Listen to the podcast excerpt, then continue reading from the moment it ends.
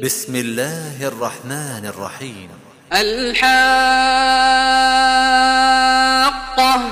ما الحاقة؟ وما أدراك ما الحاقة؟ كذبت ثمود وعاد بالقارعة فأما ثمود فأهلكوا بالطاغية.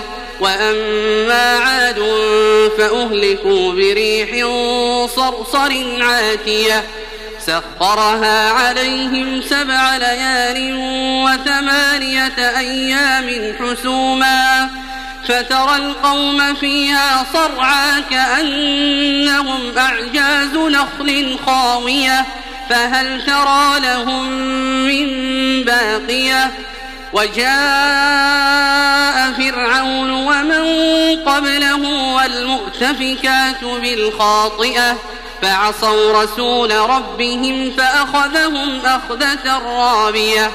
إنا لما طغى الماء حملناكم في الجارية لنجعلها لكم تذكرة وتعيها أذن واعية فإذا نفخ في الصور نفخة واحدة وحملت الأرض والجبال فدكتا دكة واحدة فيومئذ وقعت الواقعة وانشقت السماء فهي يومئذ واهية والملك على أرجائها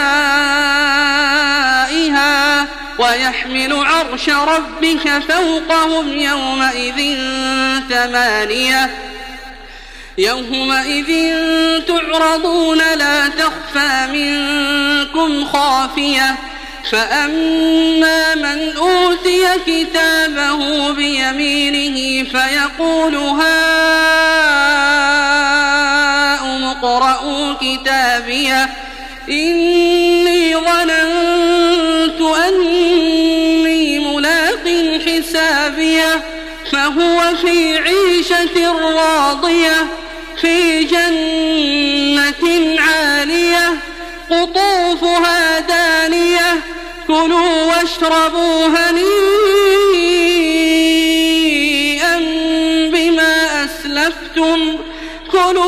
واشربوا هنيئا بما أسلفتم في الأيام الخالية.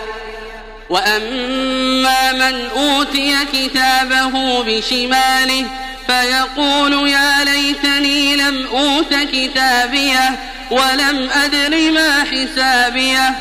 يا ليتها كانت القاضية ما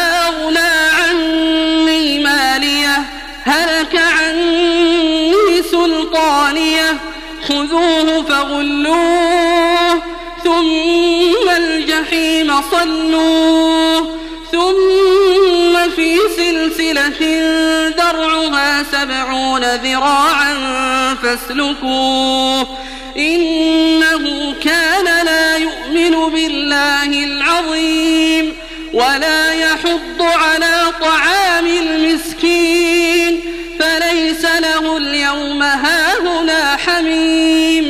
ولا طعام إلا من غسلين لا يأكله إلا الخاطئون فلا أقسم بما تبصرون وما لا تبصرون إنه لقول رسول كريم وما هو بقول شاعر قليلا ما تؤمنون ولا بقول كاهن قليلا ما تذكرون. تنزيل من رب العالمين. ولو تقول علينا بعض الأقاويل لأخذنا منه باليمين.